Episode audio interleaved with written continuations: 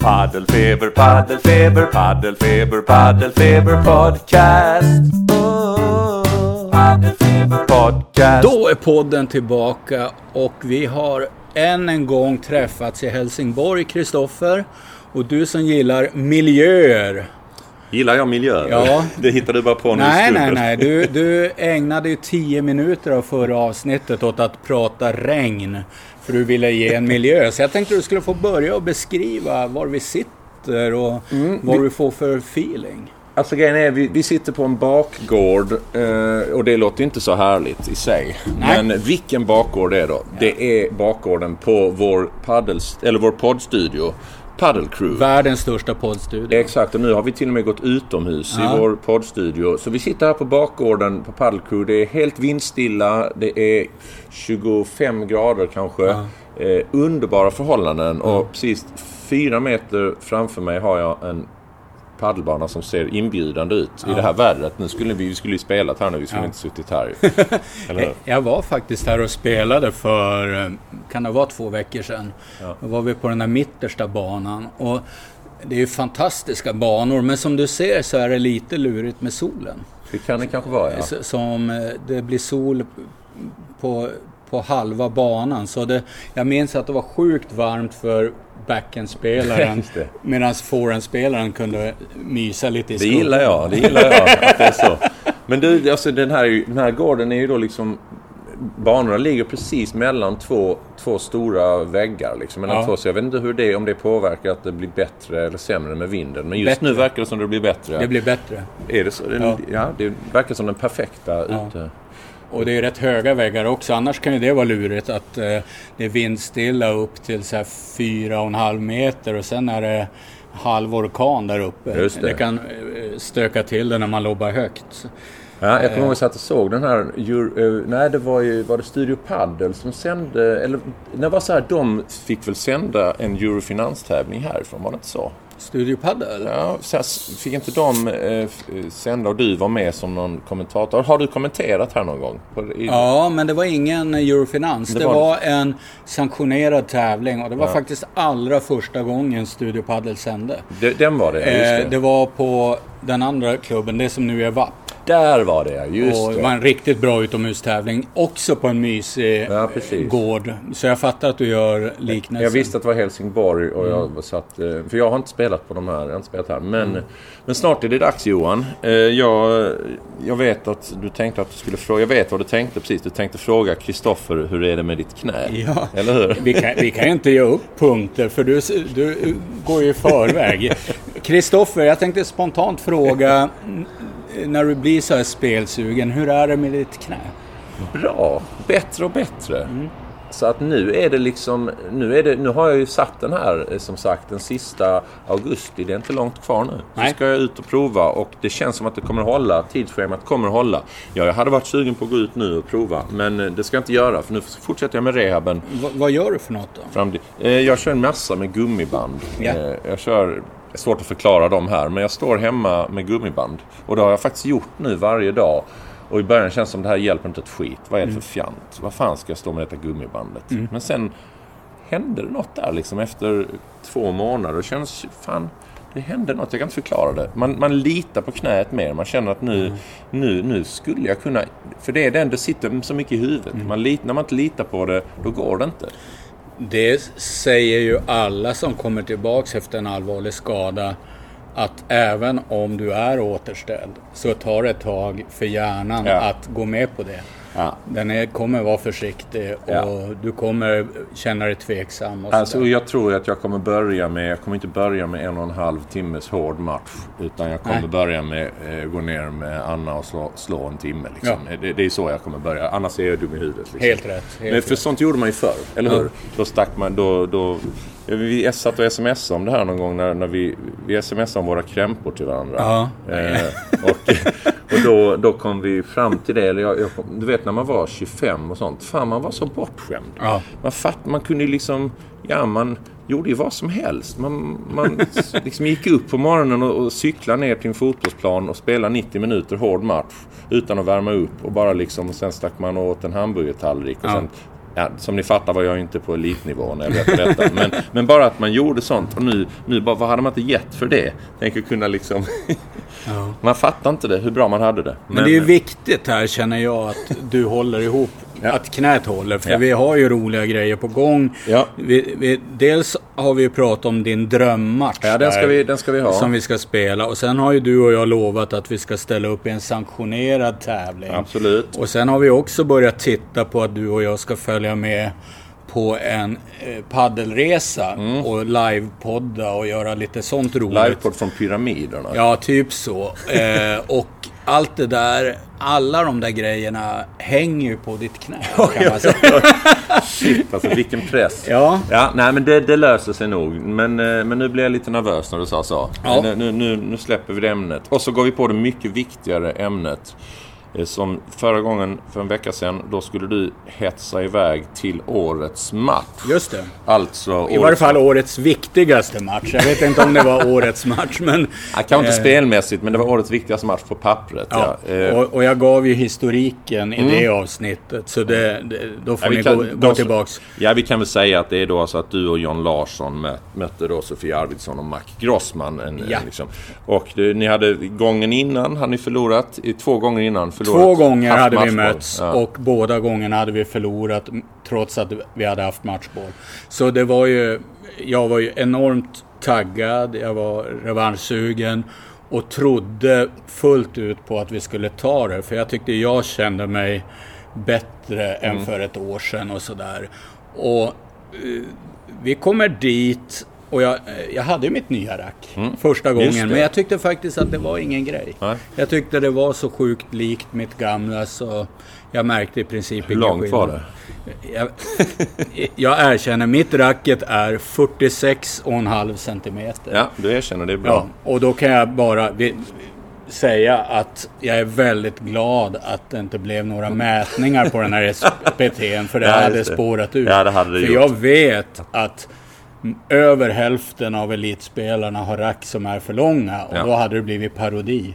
Och alla ni läsare som tycker att det är en skitgrej och att det är väl bara såga av handtag och sådana grejer tror inte jag förstår riktigt. Nej. Att du kan inte börja göra sådana ingrepp på ett racket st- strax in på en tävling. Eh, men tillbaks så var ju hallen fruktansvärt tuff alltså. Det var ju de här dagarna när det var över 90% luftfuktighet. Ja. Och jag har aldrig svettat så mycket i samband med paddel. Inte ens när jag spelat i Spanien på somrarna och det blir eh, uppemot 40 grader. Det, eh, tröjan var helt dyngsur, men även shortsen och skorna. Det var, eh, det var jobbigt. Och det tror jag bidrog också till att man blev trött. Vad kan man säga om matchen? Men var det inte också att, att du blev trött? Var det inte, är det, inte, det, är ju, det är ju ändå högre tempo Ja. än du är van vid. Ja, Så och det var väl om där, där jag tror att de gjorde en jävligt smart grej. Och det var att de, nu när Sofia har gått och blivit forehandspelare så tror inte jag att hon ville gå över och lira backen två dagar innan tävling. Nej. Så hon spelade forehand och det gjorde att Mac spelade backen och därmed per automatik så drogs tempot upp i matchen. Han orkade ligga på på ett sätt som eh, var fruktansvärt jobbigt. Och den där jävla Mac Grossman alltså. Han slår ju aldrig en lugn och skön bandeja. Och han slår i- princip aldrig en vibora. Så varje gång han får en overhead så smashar han. Och han vill ju dra upp tempot hela tiden. Trycker nät hårt, smashar hela tiden. Så jag hamnar ju i någon form av konstant stress. Eh, som inte känns behaglig. Jag får som inte spela.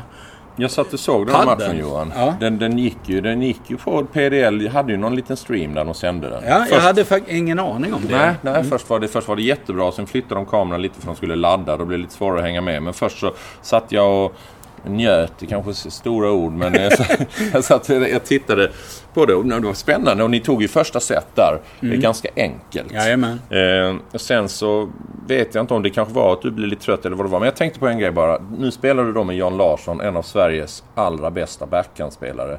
Och då sätter ni honom på forehand. Ja. Eh, Men det, det, det tillhör showen. ja, Eh, Okej. så, så kommer det förbi också. ja okej, det är det det ska Eh, vara liksom. Ja, så ska det vara. Så, så var det för fem år sedan. Ja, ja. Så ska det vara Det idag också. tradition, okej. Eh, tanken är som inte att John ska springa runt och visa hur Och kicka, grym liksom. han är. Utan han får slita på där. Och det är ett minne jag har av matchen. När de gånger det blev forehanddueller. Mm. Hur sjukt bra Sofia Arvidsson är. Att orka stå emot en John Larsson. Alltså då är man bra. Ja, jag tänkte också på det. det var, Eh. jag var imponerad. Men du, du får jag säga det jag var imponerad av med dig. Vad? Jag var imponerad av två slag. Jag har ju spelat med dig innan. Men Ja. var, du, du har dina två bästa slag tycker jag ju är, är kicken mot galler använder du ju mycket. Ja, ja. Eh, sen ibland så det är, lite, det är ju alltid lite lotteri. Hur den, det kan ju bli perfekt. Ja. Det kan ju bli en vinnare. Men det kan Det också var sluta- hemmagaller vill jag påstå. ja, visst. Ja. Där är du lite stupa där. Du gillar att göra den liksom. Eh, och sen har du ju en bra Bashada. Ja. Det, det, de två skulle jag säga är dina bästa slag. Jag håller med. Jag håller med. Och eh, eh, är jag i en bra dag Mm. så kan vi lägga till serven och en riktigt bra dag lobben. Det är typ de typ fyra grejer jag, Mm. Jag känner såg att att jag du kan. försöker sätta väldigt mycket skruv på servern. Ja. Där ser man din pingisbakgrund Ja, ja, tycker jag. Man ser det på servern. Och du försöker... Sidoskruv och Ja, så, ja, precis. Det- Men eh, det, vad som hänger ihop där när tempot blir högre än vad jag är van och du dessutom blir lite trött, det är att precisionen ryker. Mm. Och eh, det var flera gånger jag skickade upp alldeles för korta lobbar. Och då är det också jobbigt att möta två som kan panga på så. Ja. Eh, Sofia smashar väldigt hårt Ja. och Mackan smashar också hårt. Så det var, det var jobbigt. Ja. Och, ja. Men eh, det slutade ju ändå då med att efter vårt första fina set så torskade vi två set. Jag skulle vilja säga knappt, men väldigt klart. Vi hade mycket svårare i deras servar än vad de hade i våra. Ja. Och det var helt rättvist till slut, även om det är surt att förlora golden points. Sådär. Men det. det ingår ju i sporten. Och jag tyckte de gjorde, av de tre matcher vi har spelat, så gjorde de sin absolut bästa match nu, vilket är sjukt störande. Det var inte alls så jag hade planerat. Men det är bara att gratulera. Ja. Och det, det roliga också är att det har ju blivit sån prestige i de här matcherna. Mm. Så man ser ju tändningen. Ja, ja, visst. Ja, det såg jag också. Sofia var... Arvidsson som har vunnit allt. Det slog mig förresten. Hon är den enda i svensk paddelhistoria som har vunnit SM som både backen och forehandspelare. Ja, just det. det är lite coolt. Eh, Och Lite som journalistkurios. Ja, ja visst. Ja. Och hon skulle iväg och spela SPT, men det var som ingen snack. Det här var sjukt viktigt. Och det är bara att berömma dem. De gjorde en jävla match. På tal om SPT så har vi mycket att, eh, vi har mycket att gå igenom eh, efter helgens, helgens drabbningar i Stockholm. Eh, så jag, och, och vi, jag hade ingen bra topp tre-lista idag. Jag, jag satt och spånade och tänkte, ska jag få till något? Men jag bara, vi släpper den idag. Vi, vi kör en jingle och sen kör vi lite SPT-snack. Ja. Ja Johan, eh, både du och jag höll ju oss hemma. Vi åkte inte upp till Stockholm men vi följde tävlingarna från Upplands Väsby ändå. Eh, så mycket, så, Väldigt noga. Ja, väldigt noga. Så, så mycket vi bara kunde. Eh, och efter den här som på förhand var ju den på här sidan den liksom, som vi, som vi liksom introducerade som den bästa SPT'n hittills eh, kvalitetsmässigt. Eh, det blev ju en, eh, det blev en drabbning. Vi börjar med herrarna tänker jag. Ja, vi kör. Det blir, blir en, en drabbning där de absoluta favoriterna var framme i finalen. Och där finalen ju blev ett sånt där klassiskt antiklimax får man ändå säga. Där man inte fick, fick likt, riktigt den här tändningen som man ville. Utan eh, tyckte jag i alla fall. Eller så var det ju. Det Ja, det, det, så var det. Jag tycker det är ganska häftigt ändå att det var utan tvekan den bästa SPT Mm. på här sidan Med så många bra spelare, så många bra lag. Eh, och att det ändå i slutändan blev de två Mm. lag som vi tyckte st- stack ut lite. Ja. Som möttes i finalen. Men finalen blev ju en sorglig historia. Ja. Och då tänkte jag så här. Är det Simon som på grund av det här uppehållet han har haft inte är i fysiskt praktslag och därför inte orkar två matcher så pass tätt in på varandra. De hade ju faktiskt en rätt tuff semifinal. Ja, och, eller var det bara så att mot, mot en sån briljant forehandspelare som Solano så kom Simon ingenstans. Och det såg vi ju alla att den här Foster är ju inte heller den där killen. Nej. Utan eh, vad jag fattar när han har gjort bra resultat på VPT, ja då spelar han med en, en hårt slående lefty. Ja. Så kan han ta lite ja, rollen i backenrutan. Mm. Men att bära ett lag med Simon, visst han, han kan spela bra men han vinner inte poängen. Han slår inte winners. Och det påminde otroligt mycket tycker jag om när Simon spelade med den här Pincho Fernandes i Eurofinans. Eurofinans, ja. Också en spelare som kan gå till main. Han kan till och med ibland gå till kvartsfinaler på VPT. Men han måste ha en killer bredvid sig. Och vi fick en final och så i vanlig ordning så gör Kaje taktiskt helt perfekta matcher. Och ingen kan ju Simon bättre än Cayetano. Och det var nästan sådär uh, genant att se. alltså, det kändes som att de vann alltså nio game i rad. Mm. Efter en timme hade inte Simon och eh, Foster vunnit ett game. Och det kändes som de kan inte slå winners heller. Inte på något enda sätt. Och det, det var remarkabelt att Mm. det var sån total klasskillnad. En grej jag skulle vilja komma in på med den här SPT'n, det är det här. Det har ju varit lite diskussioner i, eh, på vår eftersnacksida och på andra håll Eh, om det här med att det är så många, ja, att det är så många bra spanjorer som är med helt enkelt. Vi har ju, man har ju gått igenom detta mycket. Men någonting jag känner, som, om jag bara ser det som tittare, som, som publik, så är det att jag har lite svår, alltså jag har lite svårare att engagera mig i tävlingarna eftersom det blir lite den här känslan. Jag vet att padden är, är bättre än någonsin. Nivån på padden är bättre än någonsin. Men jag har liksom inget förhållande på samma sätt till, till liksom Christian Fuster eh, som jag har till våra svenska spelare eftersom han inte, han, ja, det blir ju som en, en Pre-Previa-tävling. Ja. Eh, lite grann. Eller lite sämre än en Pre-Previa-tävling. Alltså, så då, det är någonting som gör som tittare att jag har lite svårare att engagera mig. När det är, när det är så många spanjorer som huserar runt, eh, runt 70-strecket. Samtidigt som jag tycker det är kul och bra för svensk paddel så är det någonting som gör att jag liksom...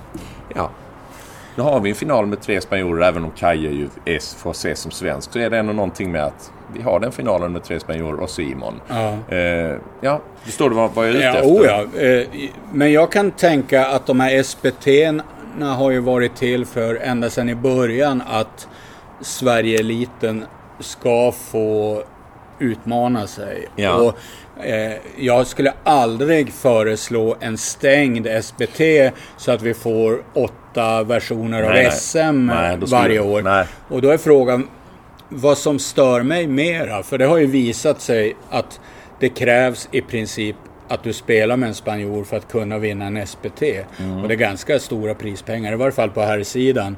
På damsidan har ju helsvenska lag kunnat vinna.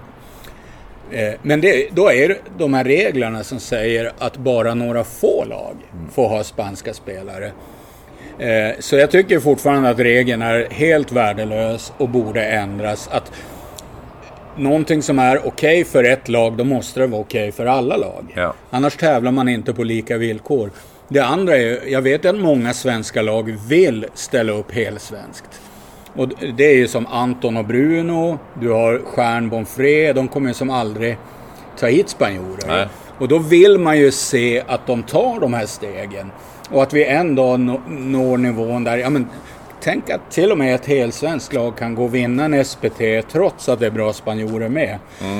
Eh, alltså det är många aspekter i det här. Men för mig blir det lite som att det finns två vinnare. Alltså dels, en det finns dels de vinnarna av turneringen. Sen finns det vinnarna av vilket helsvenskt lag går längst. Eh, och då, vi- då vinner liksom Anton och Bruno denna tävlingen. Ja. Alltså det blir lite som Ja. så här, det är som att man skulle gett ett litet pris till dem också.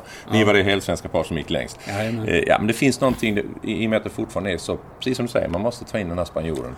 Så som, och jag har hört andra som jag pratat med som kanske inte är jätteengagerade i padel, men de vill titta på padel, då, då, har, då har de svårare att skapa sig en relation till spanjorerna än till, till svenskarna. Ja. Eh, det, så är det väl kanske framförallt när de är här för första gången och Jo. man kan som konnässör sitta och njuta av Solanos forehandspel. Eller man kan vara frustrerad över att Foster inte Mm. ger Simon den hjälp han behöver. Men börjar spelarna komma hit flera gånger, då tror jag direkt det börjar kännas lite Ja. annorlunda. Nu var Zapata här för andra gången. just ta upp honom. Ja, alla eh, vet nu vad det är för typ av spelare. Ja. Och att en råd utan Mm. en sån klassspelare har ju svårt att hävda sig på en SPT. Mm. Eh, och till, det har ju till exempel, Råd och Regner har ju spelat många tävlingar tillsammans utan att eh, åstadkomma egentligen någonting. Nu spelade de med varsin utländsk spelare och var ju två av de roligaste lagen Mm. i turneringen. Eh, Regner kommer vi återkomma till som eh, spelade med norrmannen Fredrik Ask. Eh, så det finns för och nackdelar med allting. Ja. Men jag vill ju ha bra utländska spelare i, på SPT. Eh, Men jag tror verkligen du har rätt med det. Att det är viktigt att de kommer tillbaka på något sätt för, för intresset. För Zapata, precis som du säger, nu hade jag kände verkligen ja det är ju Zapata. Honom känner man ju till nu. Ja. Liksom. Vad kul det ska bli att se honom igen. Så Ja. det, det räcker med liksom, bara någon gång till så får man lite Ja, men börjar liksom komma hela tiden nya, vilket det säkert kommer vara, så kommer det ju vara... Det blir, det blir lite annorlunda Man ska det ju, ja, ja, vi ska ju tänka på att eh, pengarna är fina numera på Mm. SPT. Om, framförallt om man jämför med vad eh, spelare någonstans mellan 50 och 100 brukar dra in eh, på VPT. Så att locka hit sådana spelare med chansen att vinna 30 000 i första pris. Och så kanske eh, en del av dem, det de lockar med att säga du får hela prissumman.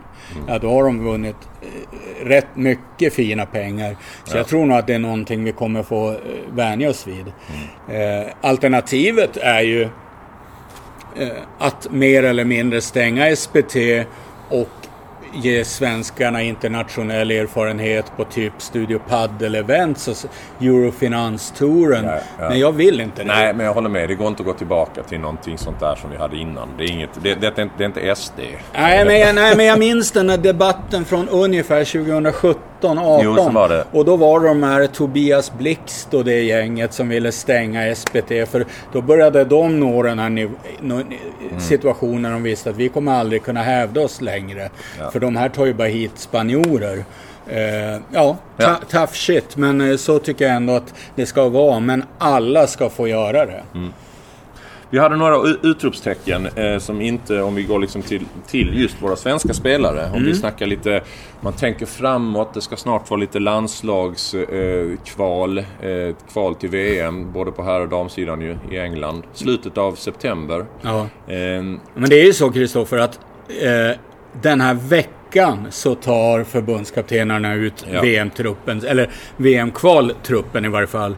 Så därför var den här SPT någonting alldeles Mm, det extra det. för Sverige-eliten och matcherna betydde ännu mer. Ja, ja. Och det är lite med de ögonen vi tittade också på turneringen. Eh, vil, vilka stärker sina aktier och är det några som rent av spelar bort sig från eh, landslagschanserna? Och ja, En person som jag tycker stärkte sina chanser, även om han inte... Han, han är faktiskt inte riktigt på en landslagsplats än egentligen. Eh, en spelare som jag träffade här precis innan vi spelar in.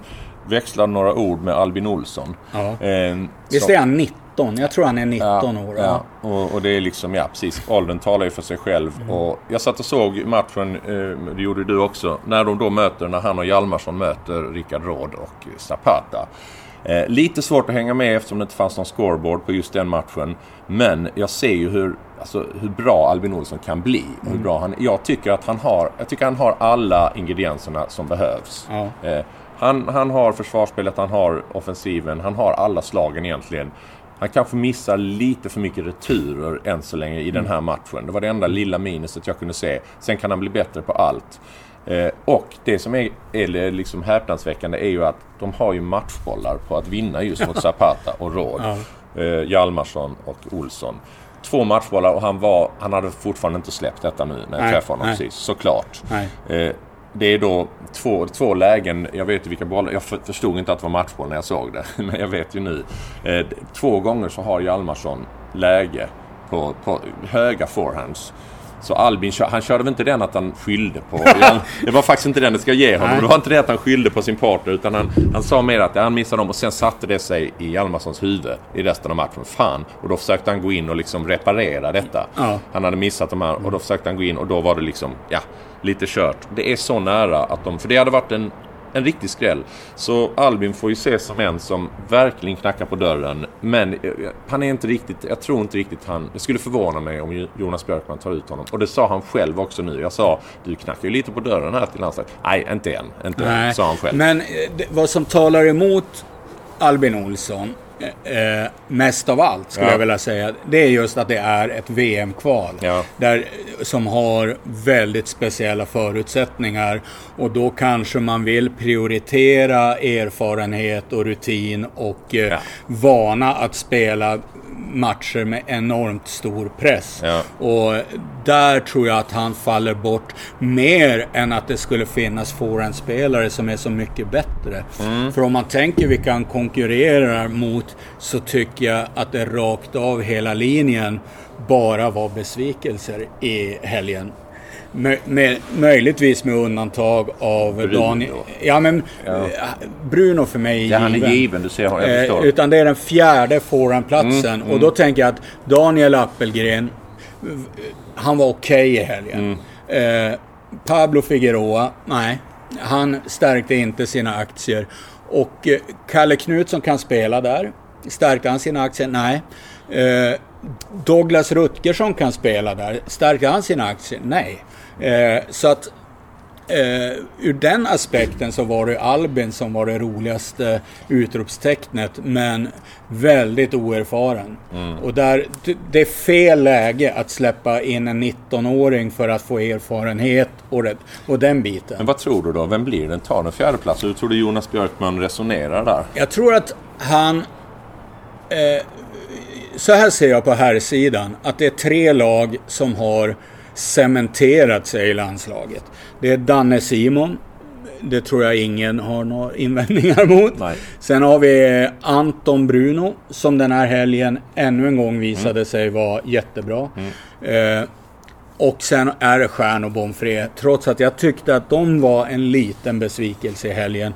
Jag är besviken på att de inte hanterar taktiskt att möta Råd och Zapata och förlorar den matchen. Eh, Just eftersom, eh, som vi sa precis, att Albin Olsson och Hjalmarsson faktiskt de är på vippen att Ja. vinna den. Så är, Men de, allt de har gjort under åren och, och i år... Ja, de är så, givna. Ja, de är givna. Och då har vi alltså tre samspelta lag som garanterat också kommer få spela de viktiga matcherna för Sverige. Mm. Så då har vi en forehand och en backhand eh, position. Där tycker jag att Douglas Rutgersson ska vara med. Inte för att han har visat i princip ett skit i Sverige, men på VPT har han spelat och gjort bra ifrån sig både som forehandspelare och backhandspelare.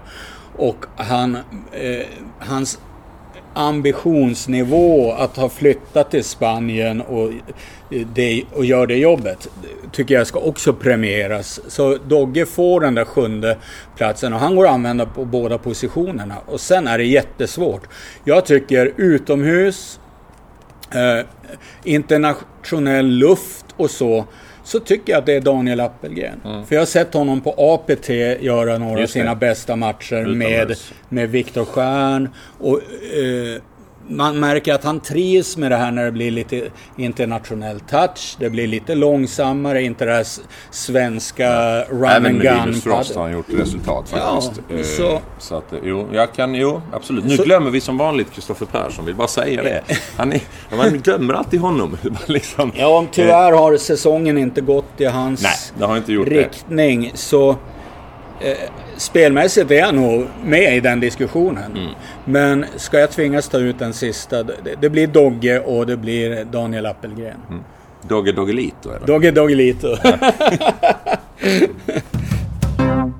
Kristoffer, vi har ju tidigare pratat om det fantastiska att åka på paddelresor. Ja, det bästa som finns ju. Ja, och vi är ju då sponsrade av Swedish Paddle Camp.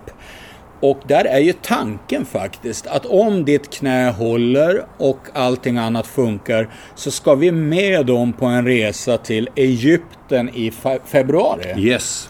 Och det är någonting som tilltalar mig sådär. Att få spela paddel i Afrika. Jag har aldrig varit i Afrika. Jag heller. Jag har inte heller varit i Afrika. Och spela padel i Afrika låter lockande. Speciellt när det är februari här hemma. ja, och eh, eh, Swedish Paddle Camp. Jag har ju bara fått otroligt bra vibbar av dem. De verkar otroligt seriösa. De har gjort enormt många resor. Har man någon gång gjort misstagen så är de gjorda. Ja. Eh, det är ordning och reda på torpet. Och de gör 14 till 15 resor per år. Och i den här podden ska vi pusha för framförallt två resor. Dels är det till Fuerventura, en av de här Kanarieöarna, som är nu i november. Och så är det just den här resan, Egypten i februari.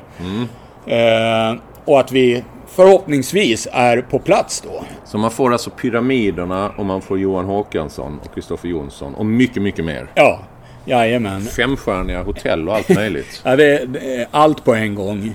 Och eh, Swedish Paddle Camp, eh, gå in på deras Instagram. De har ett väldigt levande Instakonto där de lägger ut mycket bilder och filmer från resorna och träningstips. Och de finns också på Facebook och Youtube.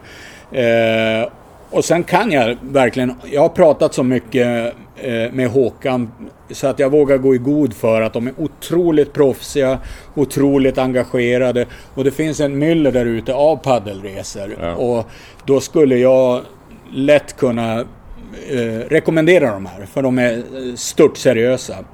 Eh, Man får ju då alltså, man får alltså träning. Man får fyra timmars eh, träning med paddeltränare om dagen och sådär. Så att det är, Ja, det är om inte paddel. annat förutom att man har kul så blir man ju en bättre paddelspelare. Ja, det är mycket paddel.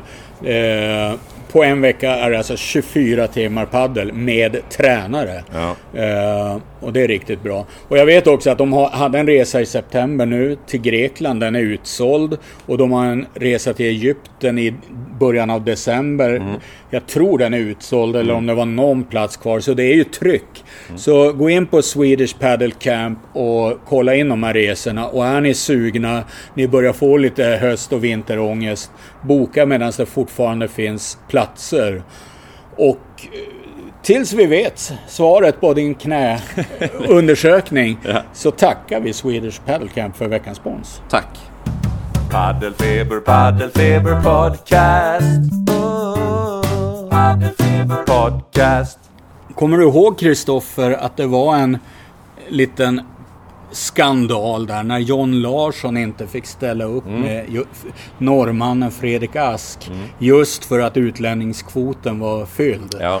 Eh, och då, då var ju John otroligt besviken. Det var Fredrik Ask också. Nu fick ju Fredrik Ask vara med. Och jag kan tänka mig att många svenskar undrar vad är det här för norrman och ser ner lite på Norge och så. Men Ask är för det första Norges överlägset bästa spelare och har ju gjort en otrolig satsning och är och spelar VPT-kval för jämnan, precis som Vaskes, eh, Vindal och tidigare Kalle och så. Och nu i helgen tyckte jag man fick se vad all den erfarenheten ger. För eh, Fredrik Ask spelade då alltså med Alex eh, Regner. Som ja, en hyfsad, habil spelare. Eh, A-klasspelare i Sverige. Men att de, för det första så slog de ut Ajax. Som var en av tävlingens klart bästa spelare. Som spelar med Adam Knutsen Sundblad. Ja. Och sen pressade de Simon Vasquez och Foster. Ta sätt på dem ja. Tog set på dem och gav dem en fight ända in i kaklet. Simon såg helt slut ut efteråt. Eh, så jag ser på Fredrik Ask nu med helt nya ögon. Han, det, det är inget häftigt. Han, det är inte så att han slår hårt och smashar häftigt utan metodisk, klok paddel, gör rätt saker, spelar efter sin förmåga. Det man förmodligen får lära sig den hårda vägen är det som funkar. När, man, när du är på pre-previa 20 gånger. Ja. Ja, Jag blev jätteförvånad. Jag såg, jag, jag, har ju- han har ju varit med länge nu liksom. Ja. Så man har ju sett honom ett antal gånger. Senast jag såg honom var, var på den här Fiskebäcks Kiel-tävlingen. Då var de ju slagpåsar dock, för han- spelade tillsammans med Hammi så de var ju på pappret absolut sämst. Men då, då såg man ju ingenting. Nej. Alltså då, då tyckte jag det var ingenting som visade att det här är en, bra, en riktigt bra spelare. Eh, så jag blev... Nej, den, här- den såg jag inte komma. Nej. Det gjorde man Nej, det inte. var häftigt. Häftigt och kul för Norge. Mm, Eh, och kul och- som vi har sagt innan att man har lite andra, andra flaggor med. Om det nu ändå ska vara om det ska vara med eh, utlänningar så jättekul att det inte bara är svenska och spanska flaggor utan att vi har lite annat också. Ja. Damsidan. Och eh, då är du sambo Mm. med Anna Åkerberg. Och min känsla är att de, Anna och Amanda Girdo gick in i tävlingen som två vandrande frågetecken. De hade båda gjort eh, en, ett dåligt genrep i Ystad. Eh, och eh, inte med varann ska sägas. Nej, precis. Eh, och fick väl på något sätt spela sig i praktform under turneringens gång. Men vi hoppar rakt på finalen. Är inte det en av de bästa matcher de där två har gjort? Jo, alltså jag, jag skickade ett sms till Anna efter den här, efter den här vinsten. Jag skrev där satt den, den perfekta turneringen. Ja. För att det är det de gör här faktiskt. Och det är också därför de vinner finalen så pass överlägset. Eh, det är alltså att de, de tar allting i två raka set. Tappar inte många game på vägen. Nej. De vinner alltså med 6-1, 6-1. Sen vinner de med 6-4, 6-1. Och sen så vinner de med 6-0, 6-3. Så, så lätt har de det på vägen fram. Eh, och jag tror det är en stor anledning. För att om man då jämför med, eh, med Sofia och Barre som ju får en stentuff semifinal. Ja. Och sånt är så viktigt när du spelar många matcher på kort tid. Att, att vara liksom både fysiskt och psykiskt Jajamän. utvilad. Så jag tror det är en jättestor... Att liksom hela turneringen var perfekt för, Ja. för Anna och Amanda. De, och, de kom in i finalen lite fräschare än motståndarna. Men vad jag blev också så imponerad av, det är nu har de ju mötts några gånger. Så de kan ju skanna av läget för dagen, för stunden, för i, i princip minuten. Och vad de skannade av då var ju att de bedömde att Sofia var klart hetare än Barre. Och det sa ju Anna också i segerintervjun. Att, eh, och då styrde de över mer och mer av spelet på Barre. Och det är det där taktiska närvaron som jag efterlyser bland några av våra herrspelare som mer bara kör på. Att, att kunna spela helt annorlunda från en match till en annan. Helt beroende på vilka man möter och till och med hur en match utvecklas. Och det är där spanska spelare, argentinska spelare är fullständigt överlägsna svenska spelare. Det, det är som det är inget fult i de länderna att spela taktiskt utan det är en väldigt viktig aspekt av sporten. Att man gör vad som krävs för att vinna. Cayetano är jätteduktig på det och jag tyckte Amanda och Anna var suveräna. Alltså de spelar faktiskt ut eh, Sofia och Barry i denna, i denna matchen. Eh, matchbollen är ganska talande. Eh, det blir liksom en... Eh, ja, alltså, om- ja, om man vill se om den kan man gå in och göra det. Men de... För då, då liksom som två vilsna asplöv flyger Barre och Sofia omkring på banan. Och de blir först passerade. Anna lägger en, en volley ut mot Sofias skaller som hon precis får upp. Och bara för, sen efter det lägger Girdo ner en i Barres skaller. Och de är liksom rätt uppgivna faktiskt. Det var faktiskt lite spel mot ett mål i denna finalen. Eh, men... Trots att de fick en dålig start. Ja. Kommer du ihåg det? Ja. Att de fick direkt ett break emot sig och då tänkte man att det här blir tufft. Så de vände i första set Mm. och tog hem det till slut klart med 6-3 och sen var andra set ännu klarare. Mm.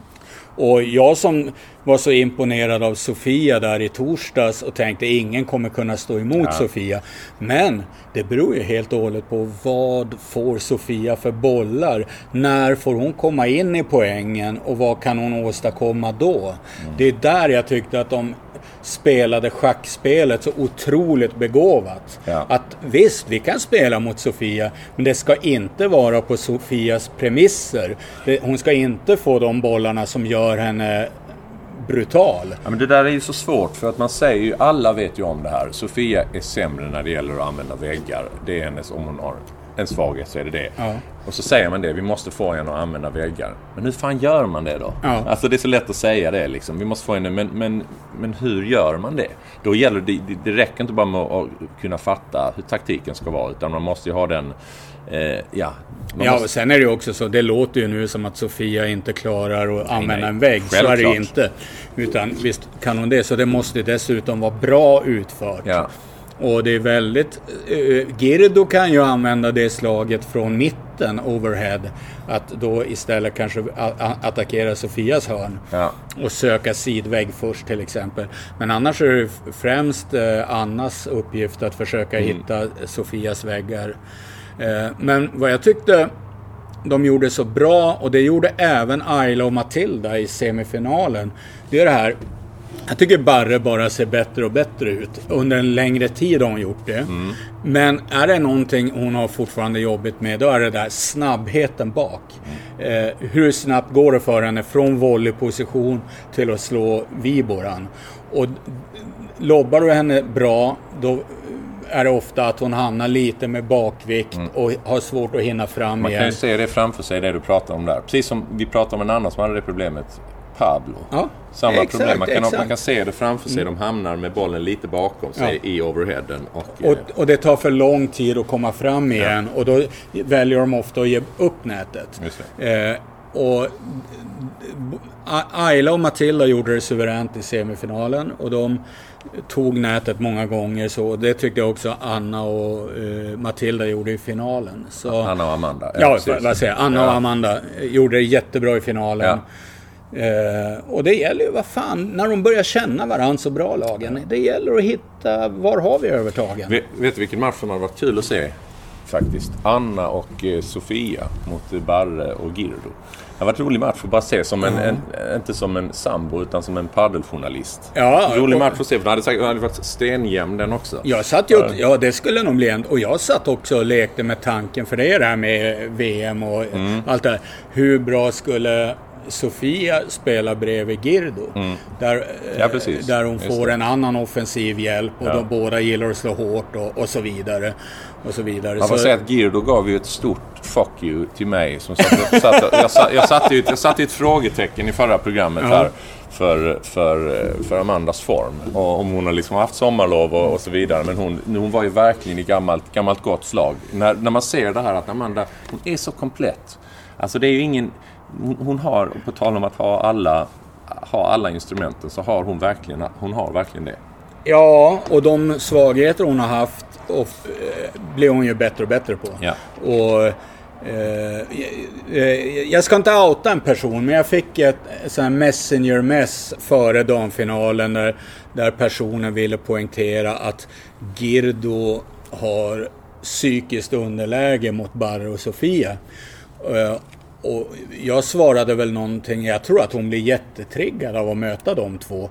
Problemet är bara att de två blir också jättetriggade av att möta Girdo.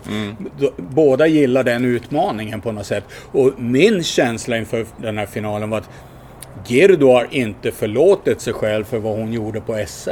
Nej. Det var lite hon som förlorade den semifinalen. Hon Ja. blev övermodig när matchen skulle stängas. Ja, det var några bollar där, absolut. De hade Mm. Och ju det- egentligen den matchen. Ja. Så att hon, ja, hon var ju superfokuserad. Mm. Och att hon skulle gå runt och ha mindervärdeskomplex mot Barre och Sofia, det kan ni glömma. Hon har sånt självförtroende och tro på sitt eget spel, så hon vill nog snarare bara visa Eh, att hon är ännu bättre. Det var ju en gång i Båstad när jag sa till Girdo, fan du är den första jag har sett som konsekvent spelar dina overheads ner mot Sofias backhand. Alla andra försöker undvika den. Och hon svarar bara ja. Jag känner inte att jag ska behöva anpassa mig efter henne. Och det är lite hur jag tror hennes eh, psyke fungerar. Men jag vet, Amanda är ju rolig därför hon är ju sån också lite grann att eh, det har ju många tränare vittnat om. Till och med jag har tränat Amanda en gång. Här är när jag jobbade i Höllviken och Ja. fick hoppa in. Så det var ju, men då, och hon är ju en sån. När, alltså, säg en tränare, du ska spela där och där och där. Varför det? Jag bara, jag bara spelar vad jag känner för. Alltså så har hon lite den, lite den delen som kan vara bra till viss del. Liksom. Då måste man kunna lyssna på, på vad en coach säger. Men jag vet att hon har en sån sida. Ja. Varför ska jag göra det? Jag lägger väl bollen vad jag känner för. Ja. Det är då jag är bäst, när jag bara lägger den vad jag vill. Liksom. Ja, ja. Det är som jag- fotbollsspelare, du vet sådana här, de, såna här artister på planen på, i fotboll. Då har man har ju när tränarna fattat att nej, man ska inte ge några restriktioner till honom eller henne. Exakt. Låt den bara spela, då är den bäst. Och Amanda har en liten sån del i sig som, bara, som är så tycker Och jag. man kan inte behandla alla lika. Nej, nej, Eh, visst. eh, en annan sak slog mig. Och det var när Amanda för ett par år sedan, ett drygt år sedan, missade för mycket. Mm. Men hon slog väldigt hårt.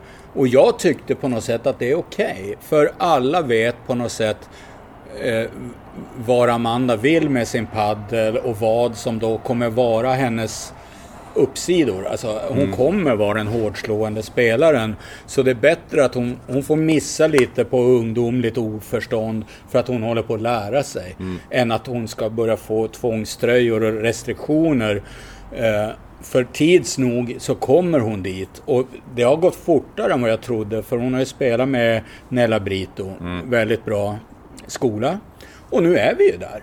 Jag, jag, Ser du henne spela nu, det är ju otroligt mycket mindre tok-errors än vad det var tidigare. Jag fattar vad du menar. Jag har en rätt intressant historia om det där. Att när, du ihåg att Amanda parade ihop sig på en tävling i, eh, för några år sedan. Parade hon ihop sig med Emmy Ekdahl. En SPT var det som de vann i Vilshärad vet jag. Ja. Eh, det var inget jättesta- jättestarkt startfält i just den SPT'n men de, men de tog hem den ganska lätt. Och då spelade ju Amanda på forehandsidan. För på Just den tiden spelade Emmy på backhand. Eh, och då, kom jag, då träffade jag Schlytan, André Schlyter på någon fest såklart. Ja. Eh, eh, och, och sa det, så sa jag det, "Ja, men det var så bra, jag tror det var jättebra för Amanda att hon spelade forehand där och bara spela utan att missa. Att hon fick fokusera på det. För att eh, jag tycker hon ska lära sig det och inte missa så mycket. Jag tycker helt tvärtom, sa André. Jag tycker hon ska... Gå på. Ja, jag, jag tycker Ja. inte hon ska komma in i och lära sig och inte missa. Jag tycker hon ska Ja, fortsätta det- med det. Och, och då, då tänkte jag, han har kanske rätt. Han kan ju betydligt mer padel än mig trots allt. Mm. På, och då... Och ja, jag får ge honom rätt där. Att, eh, Men det är ungefär som en teknisk juniorhockeyspelare. Ska man säga åt honom att inte dribbla så mycket för det är en fara att tappa pucken? Eller ska man tänka att den, den biten kommer ni ändå att förstå en vacker dag. Det viktiga nu är att ni blir så individuellt skickliga på just de momenten. Så kör. Jag tar ju hellre Zlatan som exempel än hockey. Ja. Men, men det, men det är samma, samma sak. När han Ja. bara dribblade och dribblade alla sa till honom för helvete sluta med det. Ja, Men, men för det andra kommer du lära dig. Och det gjorde han ju. ja, ja hyfsat du alltså. Men du, det finns ju ett, några utropstecken på damsidan också. Ja. Eh, Vi måste ju ta upp, tycker jag, vi måste upp Matilda och eh, Ayla som ju är jättenära på att gå till den här finalen. De, ja. Absolut. Vi, vi tar väl samma eh, eh, approach. Alltså vilka damspelare stärkte sina aktier och vilka gjorde det inte? ja, absolut. Eh, vad säger du? Eh, vad ska vi börja med? Om vi börjar med de... Eh, de ja, vi börjar där jag, där jag sa, tycker jag. Jag tycker vi, vi var inne ändå på Matilda och Ayla. Eh, jag, ty, jag lider med, med dem lite, för nu spelar de så fantastiskt bra. Framförallt Matilda tycker jag spelade, alltså så hon var uppe på en topp. Men jag har sett detta några gånger förut, att hon spelar fantastiskt bra och har setbollar. Alltså jag har inte sett något lag missa så mycket setbollar tror jag. Som just Ayla och Matilda. Och det gör de i den här semifinalen också. De har två setbollar för att ta första set mot eh, Sofia och Barre. Och sen så vinner de i andra set. Så att de är, de är jättenära där på att skrälla. Hade de tagit det första setet tror jag nästan de hade vunnit den matchen. Alltså. Jag håller med. Är det två spelare jag tyckte eh, klev in och var klart bättre än vad jag förväntade mig så är det de två. Och jag tyckte man dels såg en aggressivare Ayla eh, som spelade, inte hela tiden, men när hon fick lägen, hårdare och farligare. Eh, och Matilda tyckte jag gjorde en av sina allra bästa turneringar, kanske den allra bästa. Och kommer du ihåg, Kristoffer, att du skrev till mig under semifinalen att det här är årets dammatch. Ja, det var det Det jag. var så sjukt bra spel. Ja, det var det. Och eh, det gör mig väldigt glad när det gäller damelitpaddel generellt. För det känns som att svenska dameliten har spetsat sig eh, på ett sätt som jag inte känner herreliten har gjort. Det är många spelare där jag tycker har tagit ett markant steg framåt. Och det känns jävligt roligt. Men om man då tänker Maria Andersson som ska ta ut en trupp nu. Så tror jag att en spelare som Ayla.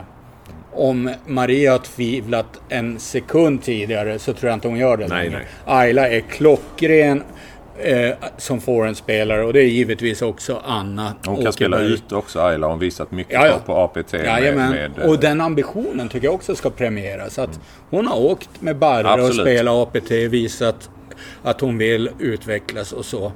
Eh, eh, Matilda har en fruktansvärt hård konkurrenssituation. Men jag tror att de stärkte sina aktier rejält. Och då ska vi komma ihåg, när det var senast Maria Andersson tog ut ett landslag, började hon med att peta Matilda Hamlin. Jag var väldigt kritisk mot det i Paddelfeber. Tyckte inte att hon skulle hamna efter till exempel Emmy Ekdahl i den truppen. Sen kom hon med ändå för att Sofia eh, inte kunde vara med. Just. Men tanken från början var att hon inte skulle vara med. Så, Det har faktiskt varit lite av hennes melodi. För, hon, eh, för mästerskapet innan så kom hon med när An, Anna tackade nej. Just det. Kom hon med som reserv då också. Så hon har ju varit precis på gränsen där. Några mästerskap. Men det är Ja. möjligt att hon greppade halmstrået nu denna gången. Ja, det blir spännande. För jag tycker att det är de två och så är det fortsatt Linnea Björk som jag tycker stärker sina aktier, åtminstone på banan. Det hon gjorde på banan eh, imponerade nu. Att hon kan gå ut med en spelare som Caroline Kollberg och slå ut Anto och Billy som var i SM-final för inte så länge sedan.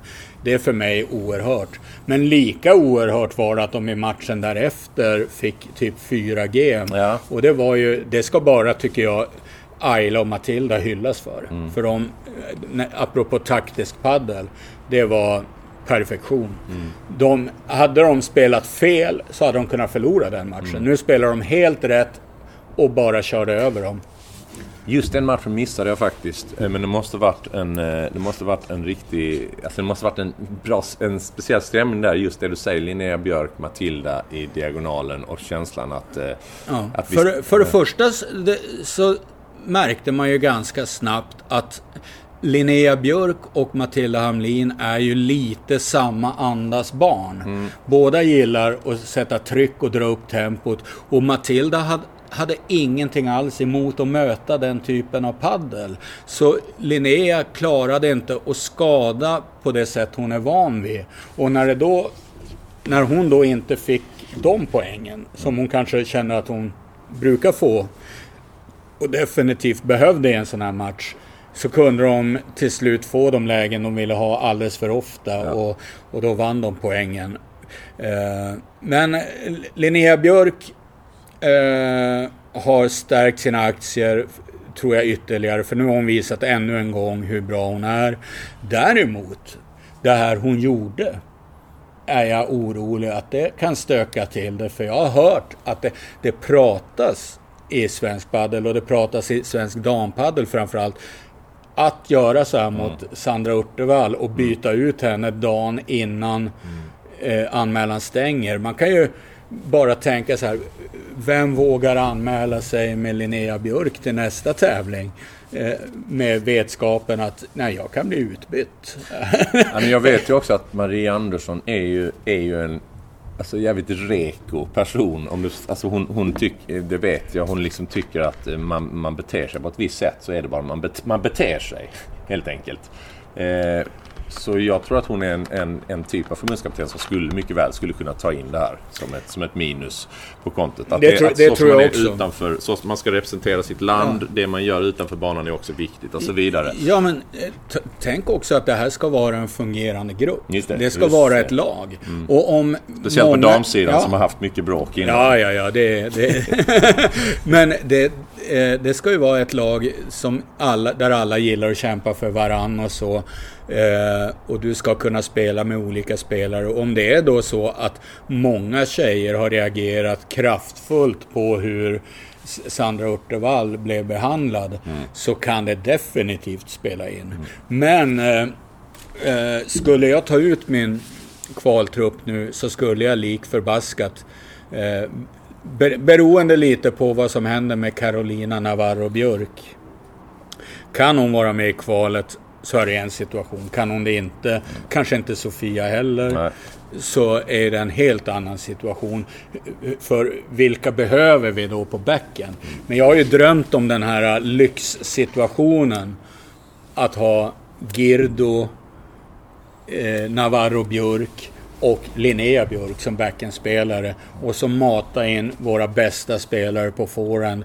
Nu efter det Ayla visade känner jag, nej, då kan du faktiskt låta Barre eller Sofia gå över och spela backen. Du har eh, ändå en riktigt bra forehandspelare där. Ja. ja, men det... det ja, det, det blir mycket spännande att se vilka både, alltså både Jonas Björkman och Maria Andersson tar ut, men kanske framförallt Maria Andersson här faktiskt. Med, med alla de här aspekterna som vi tog in. Många så blir- aspekter. Vi får inte glömma en grej också. Då har vi legendarerna. Billy och Anto. Utanför. som åker dit mot ett lag som... Ja, det... Det är intressant vad Maria Andersson drar för växlar. De gick till SM-final. Nu förlorar de, mot, förlorar de mot Linnea Björk och Caroline Kollberg. Det kan faktiskt ha kostat båda två en eh, plats i det här laget. Till Konkurrensen är så hård. Man får också säga, de gick till SM-final och gjorde det jättebra. Men de hamnade också, det- var ju också lite att, att, att våra fyra bästa hamnade på samma sida. Eh, Så att det fanns ju lite den att de...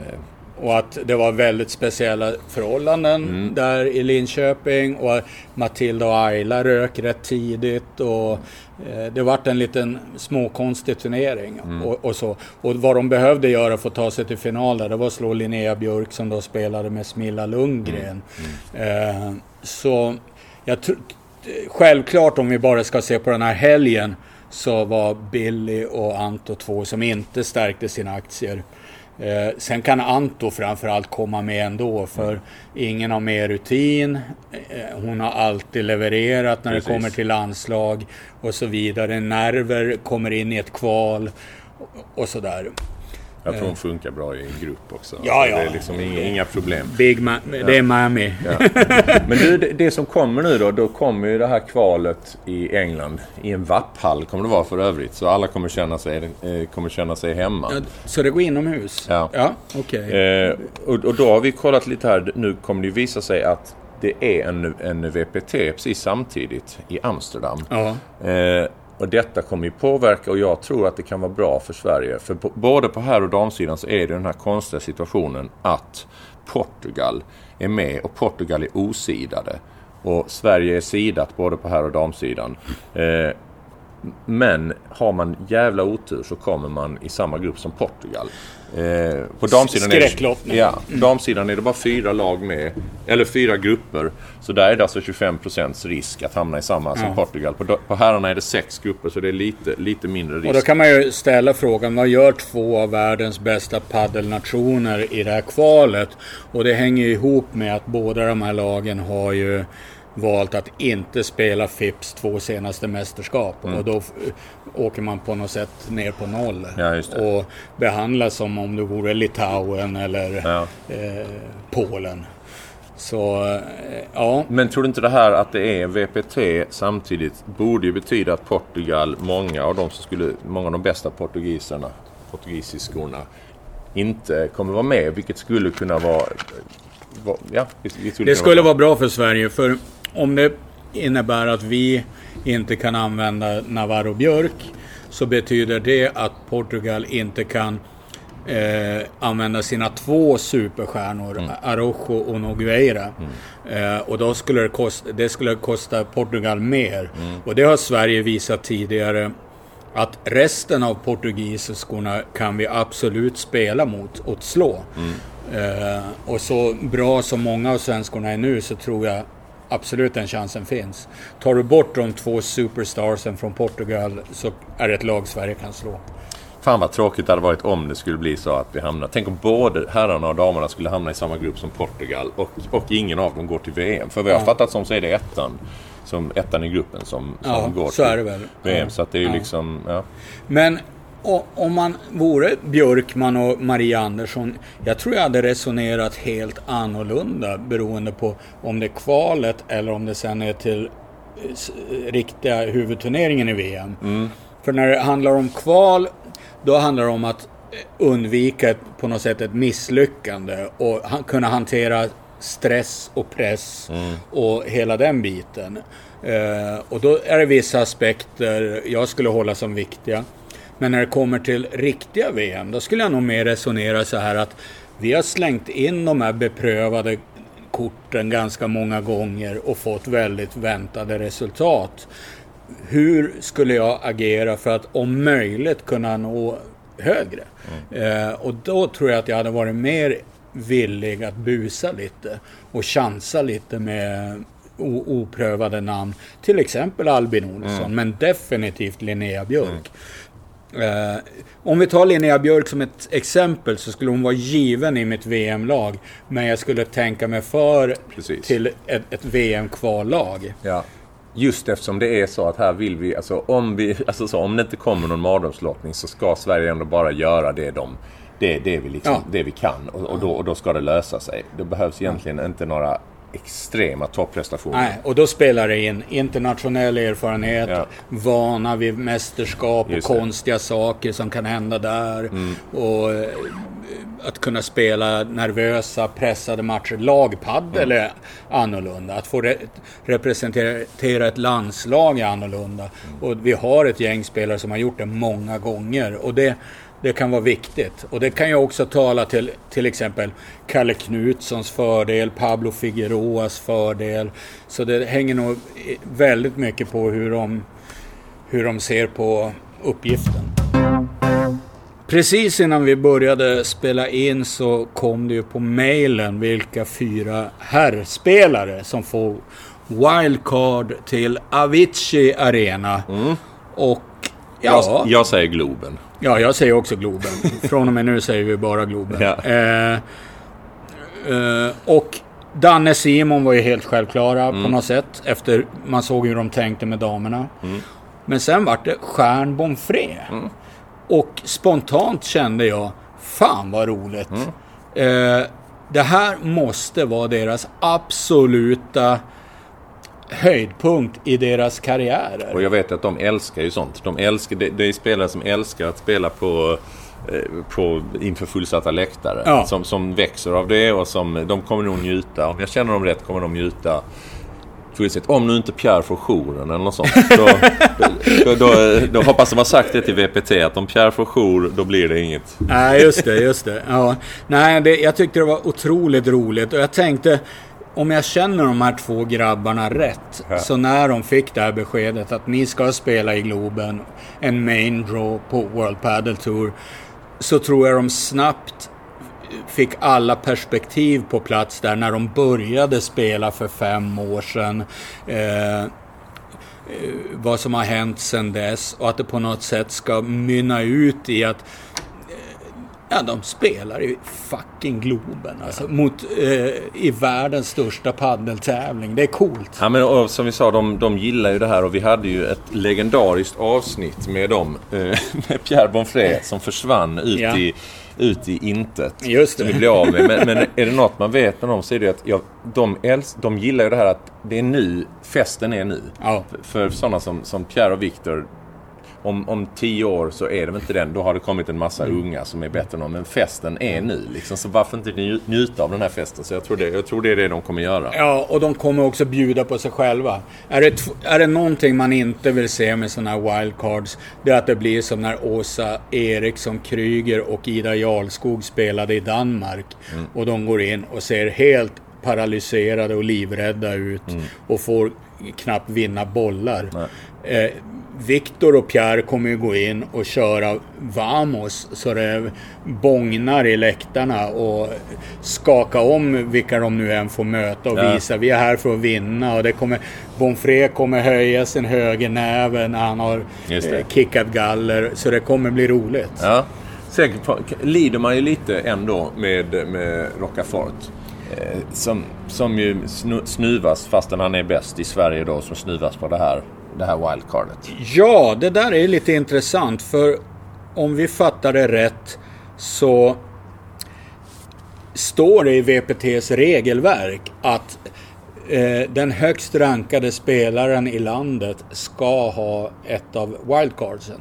Och det har ju VPT fört in just för att det inte ska kunna användas på märkliga sätt. De garanterar på något sätt att eh, landets bästa spelare kommer vara med. Men menar man då, är det, är det då på den nationella rankingen? De menar inte landets bästa spelare på VPT-rankingen? Ja. I så fall så är det ju Danne och i så fall så, så, ska, så är det ju korrekt. Så säga. Ja, men det- ja, som jag fattar så är det den nationella rankingen och då är det enligt det regelverket så är det inget snack. Då ska Cayetano ha ett av de här wildcardsen. Men sen är det ju så här att VPT är ju en cirkus. De gör ju som de vill. De kan ju ändra servregeln och de kan ändra eh, fördelsregeln och de kan ändra vilken regel de vill. Och om de ger klartecken till svenska arrangörerna att kör så här ni. Så vem ska klaga? Ja. Alltså det, det går ju inte att vända sig till eh, FIP. Nej. För eh, VPT är ett eget djur och de gör som de vill. Så det är som ingen fråga som Cayetano kan driva på något sätt. Nej. Eh, men eh, intressant att nämna ändå. Ja. Eh, Kristoffer, ja, det kom ju ett pressmeddelande. just det. Där det här berättades. Ja. Och jag hade så jävla roligt åt det här. För i kategorin fejkade citat. ja, just det. Eh, där vi lämnar jordeytan och svävar fritt i galaxen med total hybris. Så har vi nu kommit fram till följande citat. Eh, nu hoppas vi på ett, en fullsatt Avicii Arena. Och då ska vi komma ihåg, tar den 12 000 eller något sånt där? Och att vi kan få till samma känslor som när Ingemar Stenmark skulle åka sina tävlingar och Sver- Sverige stängde ner både skolor och verksamheter.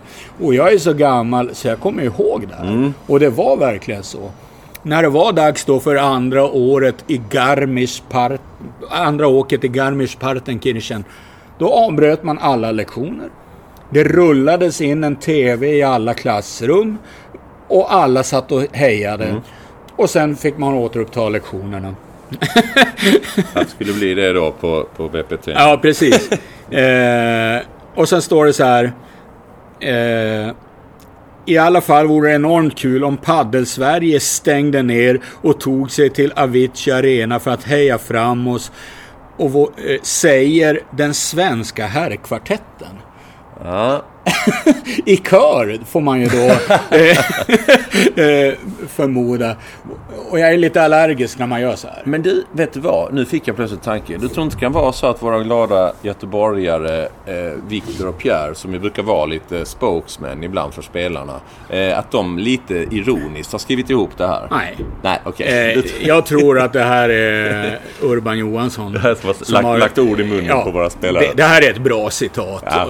Eh, eh, och eh, ja, jag är bara lite sådär allergisk mot påhittade citat i pressreleaser. Jag förstår. Men det, det drar- fan ihop sig alltså. Det här som kändes så oerhört avlägset och långt borta är runt hörnet Ja. nu. Ska du dit? Ja. Du ska dit. Jag ska dit. Ja. Dels, för, dels i egenskap av att du och jag ska vara där och, Mm. och, och kolla och spela in lite podd och ha roligt. Och sen ju- fick ju Anna ett wildcard också. Ja. Så, så jag kommer hänga där. Ja. Eh, kommer du se kvalet eller kommer du åka dit lagom till den här magiska onsdagen när de ska fylla Globen? Jag vet faktiskt inte Johan. Vi får se. Vi får Ja. se. Det, det, jag, tar, jag tar en dag i taget. Ja, jag har inte heller bestämt mig Nej. om jag ska se. För nu är det ju klart också att Padel Television skulle sända Mm. kvalet. Det gör ju att man känner att man skulle kunna offra det, att vara på plats. Just det. För det blir nog mycket att följa en VPT main draw. Eh, men vad fasen. Ja, det ska bli kul. Du, vi har, eh, jag vet som vanligt snackar du på nu för du vet ju vad som, vad som hägrar. Eh, Du, du brukar alltid få, vid den här tiden i podden brukar du få något lite, något lite Jagat. något rädd, räddhågset i Ja. din blick. Jajamän. För du vet att det stundar en, en eh, spanska lektion. Som ett skrämt rådjur i strålkastarskenet. På E6. Ja. Ja. precis. Så ser det ut ungefär. Eh, Så du kommer inte undan idag. Vi ska lära oss spanska idag också. Och dagens mening blir Samma känsla som när Ingmar åkte skidor. Det, det blir dagens, eh, det blir dagens, dagens citat. Det låter som en mardröm. Eh, Ja. ja, precis. Men vi, vi kollar här med vår spanska lärarinna eh, hur det låter. ja. La misma sensación que cuando Ingemar se fue a esquiar. Okej. Ska du prova först eller? Att, visst kunde du ta det långsammare? Ja, det kommer långsammare här. Ja. La misma sensación que cuando Ingemar se fue a esquiar. ja, nu har jag den.